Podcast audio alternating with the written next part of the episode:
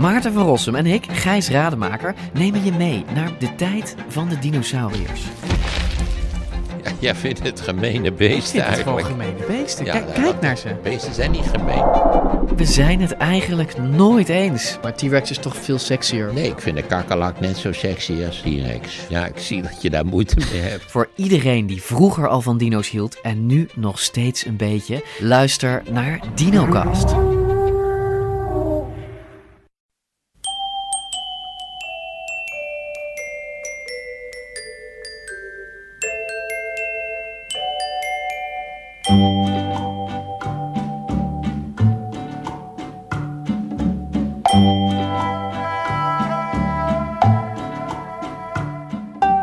Welkom bij aflevering 17 van de Echt Gebeurd podcast.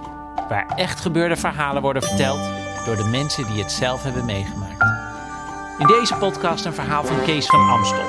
Het thema van de Echt Gebeurd middag was op reis.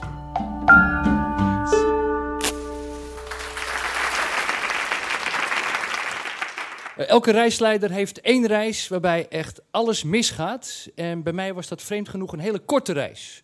Van eigenlijk één dag naar Praag. Ehm, het zat zo, ik zat bij een reisorganisatie voor studenten. Jaren geleden was ik reisleider. En ik als eh, oud-socialist, ik zei, we hebben alleen maar dure reis van honderden euro's. We moeten ook voor studenten met wat minder geld iets hebben. En Praag was toen hot. Ik naar busbedrijven, voor hoeveel kunnen we even één dag naar Praag?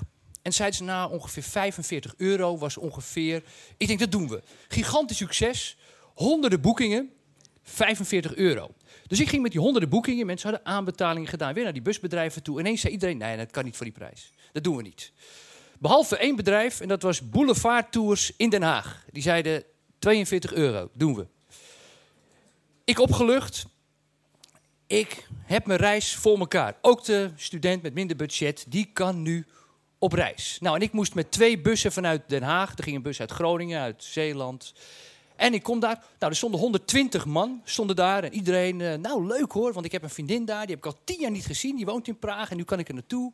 En er was een Tsjechisch meisje, die was heel blij. En mensen hadden al geld gewisseld, vreemd genoeg. En nou, we gingen. Dus ik loop op die chauffeurs af, maar er staan maar drie chauffeurs. Het was toch flink aan het rijden. Het was de hele nacht rijden. Eén dag in Praag en dan weer een hele nacht terug. Het was een slooptocht, maar goed, 45 euro. Je ging naar Praag.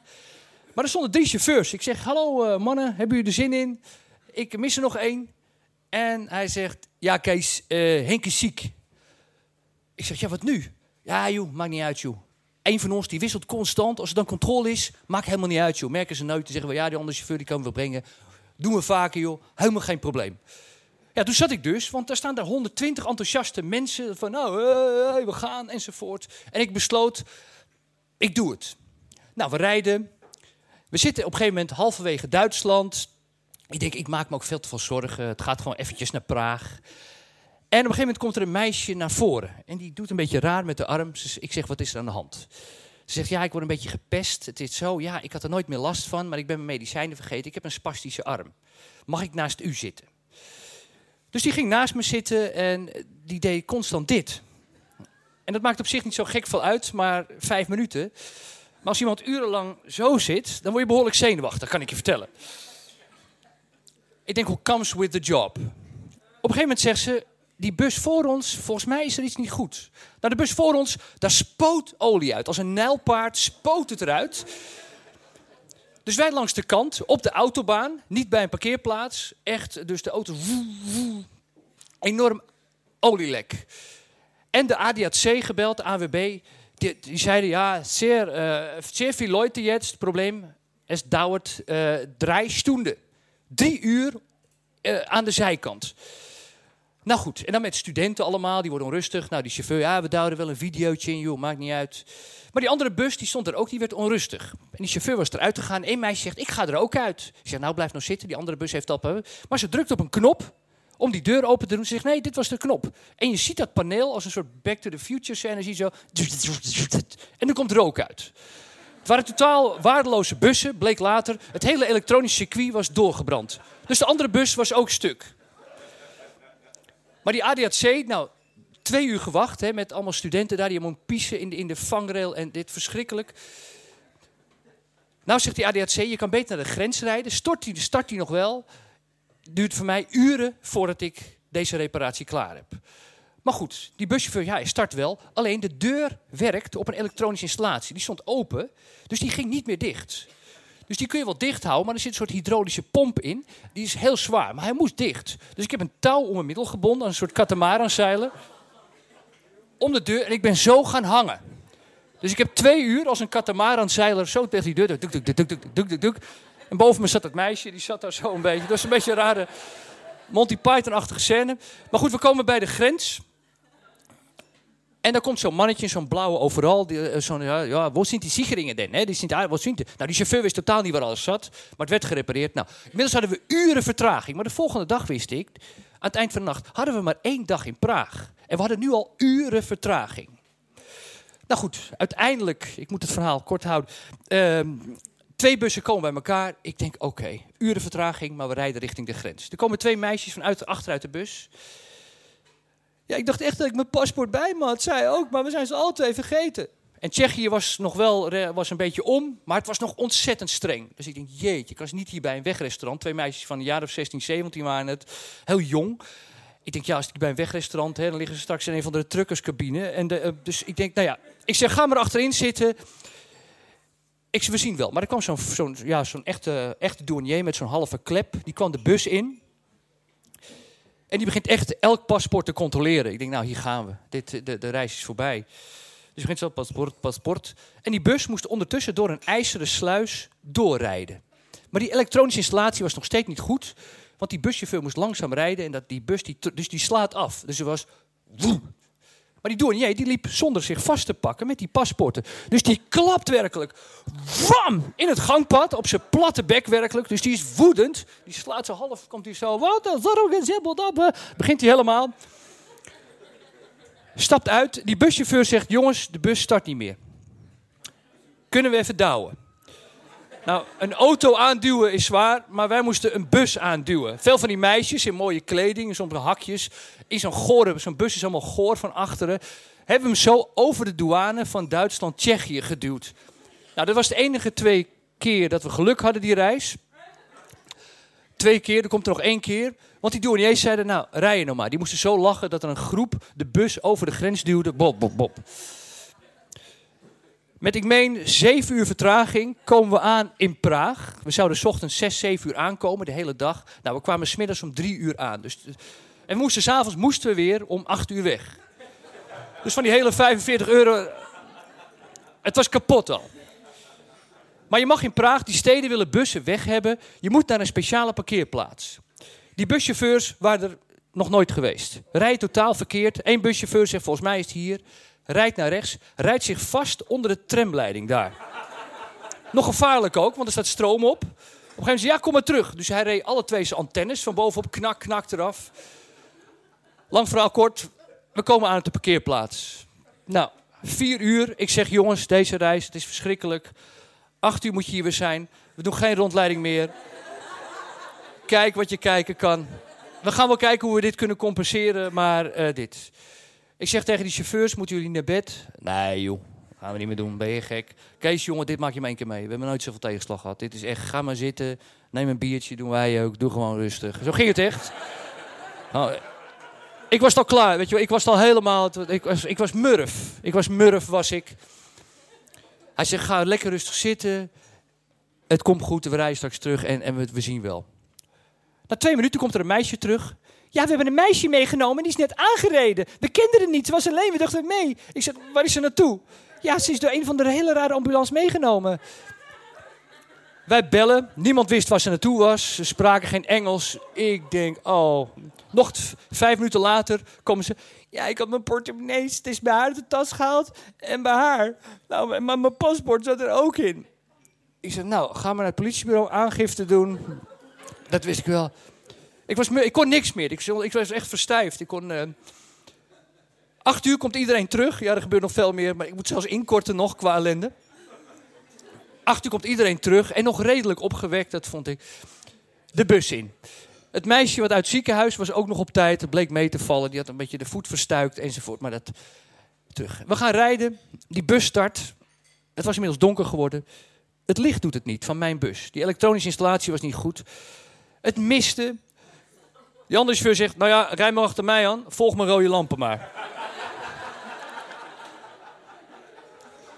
We komen bij de Duitse grens en werkelijk vlak voor die tijd hadden ze een paar schoppen er tegen gegeven en het deed het weer. Bij de Duitse grens.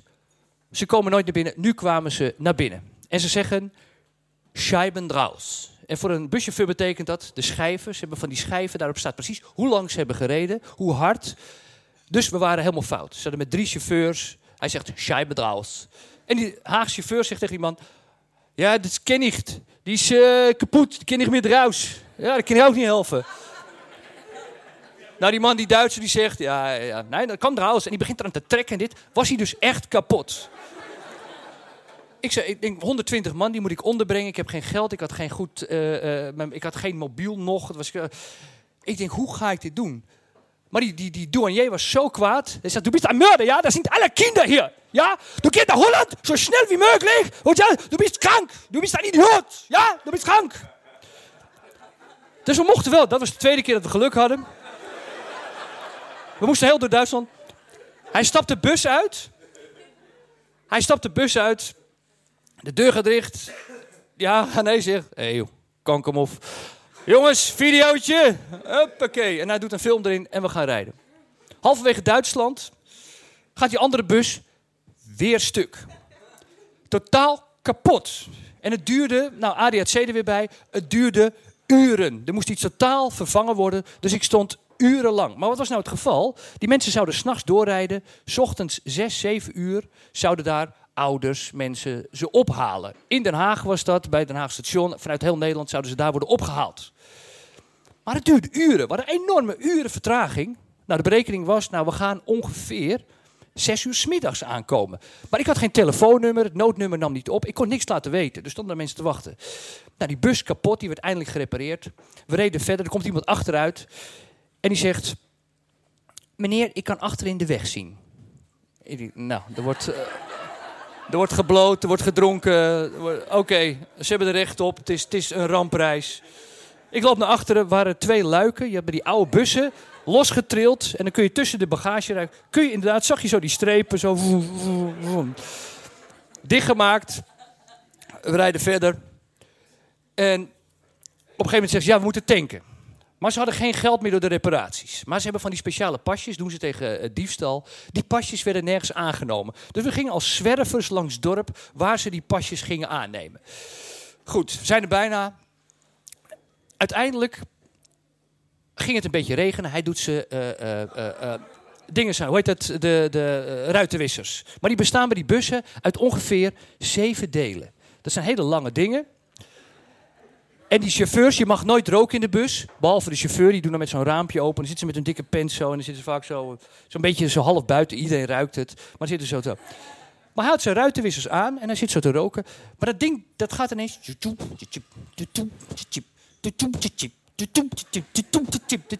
En hij klapt bijna los. Maar omdat het een lang ding is, gaat hij als een zweep eromheen. Dus dat komt dat ruitje binnen. Dus hij, god, kan dit. Dus die bus die gaat zo over de weg. Jezus, jezus. Ik zeg, zet hem aan de kant, man. Zet hem aan de kant. Zet hem uit. Dus wij aan de kant. Stond ik op een gegeven moment met een, met een moersleutel ding eraf te draaien. Hij zegt, maakt niet uit joh, het is droog. We gaan snel naar Nederland, het is droog. Hij je voelt hem al aan, ik had hem nog niet af en ik hoorde achter hoorde ik een soort onweer opkomen. We reden naar Nederland. Nou, op de terugweg hadden we dus 12 uur vertraging. Dus. Maar we komen voor Den Haag. En toen had hij, bleek hij wel, zijn satelliettelefoon, bleek het wel te doen. Hij zegt, Kees, uh, er staan hele kwaaie mensen te wachten daar. Ze wisten van niks. Mensen weten niks. We zouden 7 uur ochtends aankomen en het was inmiddels 6 uur s middags. Dus heel veel ouders, dit, die stonden daar woedend. Dus dat heb ik gedaan. Ik heb, uh, hij zegt, weet je wat ik doe? Ik, ik laat wel de bus zien, maar ik rij iets te ver door. Dan kun je Den Haag Centraal inrennen. hij zegt, en ik had zo'n reisleider ding. Dat heb, ik, uh, dat heb ik ook echt uitgedaan. Ik heb de reisleider in mijn tas gepropt. En je ziet die mensen, zie je, nou kwaaie koppen, die stonden al, die stonden zo, er werd al tegen die, die, die, terwijl hij toch vrij hard reed, werd er al tegen zo, bam, tegen die bus geslagen. En hij reed zo, woe, werden ze nog kwaai natuurlijk. Hij reed 20 meter verder. Toen ben ik, eh, heeft hij de achterdeur open gedaan, zodat er al mensen uit konden. Die zorgden voor afleiding. En toen deed hij snel de voordeur open. En toen ben ik heel snel Den Haag Centraal binnengerend. De trein ingestapt. En dat was mijn reis. Dus, ehm dankjewel.